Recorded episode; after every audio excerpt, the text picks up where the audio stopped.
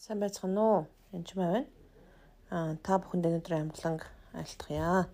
Тэгээд би Луг 22-оос уншиж өгье. Тэр Иесусыг баривчлаад тэгээд тэгэхээр тэр тухайн үедээс Питер урваад тэгээд тэрүүн талчин гэрт Иесус ирсэн тухай түрүүчиж подкастаар уншсан байгаа. Тэгээ одоо Луг 22-ын 63 дээр ирсэн байна. Иесусийн дахин амлсан гэж ярьдаг л да Тэгээ тэнгэрт залсан. Тэгэхээр дахин амьлахаас өмнө үхсэн байж дараа үхээс өмнө цовдлогдсон байгаа. Тэгээ зүгээр ч нэг цовдлогддог. Тэгэхээр Иесусийн үхэл зүгээр нэг зодуул цохолж байгаад үхсэн нэг хүнээс шал өөр юм байгаа. Яа тэгвэл түү тэрээр үхтээ бүх хүмүүсийн гэм нүглийг үүрч үхсэн байгаа. Тэгээд үнэхээр биднийг эзэнтэй эвдрүүлж байгаа. Тэр нүглийн гочтгоо нь бол ердөөсөл тэр эзэн энэ бүхнийг хийж байгаа. Тэгээд э, хайртай дотны хүүгээ ингэн гэдэг бол амархан биш. За би 63-аас уншиж үгүй Лук 22-ын Иесусыг харгалзахсад түүнийг зодож. Тэгээд түүнийг баривчилж авсан хүмүүс нь түүнийг зодож байгаа. Түүгээр доог тохуу хийв. Шоолж дормжилж байгаа. Зүгээр нэг зодохгүйгээр.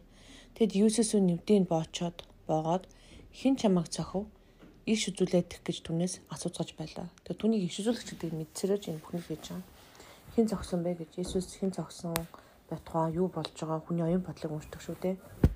Тэгэхээр түүний баг хүмүүсийн авг нэртэй юу тэтэн хаанаас гарсан аав ээж нь хэнийг ч мэдчихэж байгаа.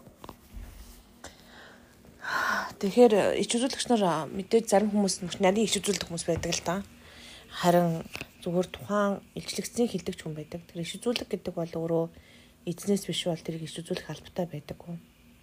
Тэгээ эзнээс амдар үг орохгүй бол иш үзүүлэх шаардлага бас байхгүй. Тэгээд ичнээ мэдсэн ч хэлэх цаг нь болоогүй л хэлдэггүй. Тэгээд мэдээл орж ирэхгүй бол худлаа хэлж болохгүй шүү дээ.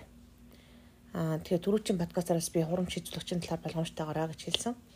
Жинхэнэ ишүүлэгч мөртлөө амаар нь бас яригдах байдаг. Петрийн амар сатан ярьж исэн биз дээ. Зайл сатанаа гэд Иесус түүнийг зогсоож байсан. Тэрнтэй адилхан сатан Пет яг үнэндээ Петрийг дормжлохдоо Петрийг одоо доош нь шигшгтэй хүмүүс ямайг ашиглаж байгаа. Зүгээр нэг хүүхэд зүгээр нэг охин. Тэр хүмүүс зүгээр тэр Петраас а чи нэг мэдхүү гэж асуугаагүй. Ягаад бол нэг сатан хийсэн учраас. Тийм болохоор бас жирийн ич үзүүлэгч байсан ч гэсэн амар нь янз бүрийн юмтай ярих боломжтой хэнийг нь ярих боломжтой учраас та бүхэн эзнээс биш эзнээс үү хинээс ярьж өгдгийг сайн ялгах хэрэгтэй. Тэр Иесус мэдээж энэ дамжилж байсан хүмүүсийг бүгдийг мэдчихэж байгаа.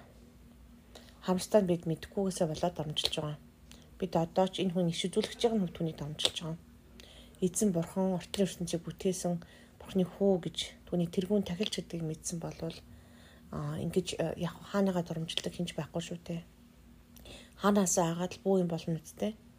Бид нар одоо ч гэсэн Иесусыг тоохгүй цаашаа зөвхөнд оруулахгүй гэхээр оруулахгүй мөртлөө хэрэг гэрт нь гадаа ерөнхийлж орж ирээд хаалга тогсон бол юу болох вэ?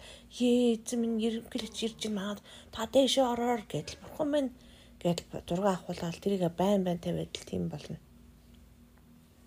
Гэтэл Иесус бидний амьдралд юу хийсэн бэ?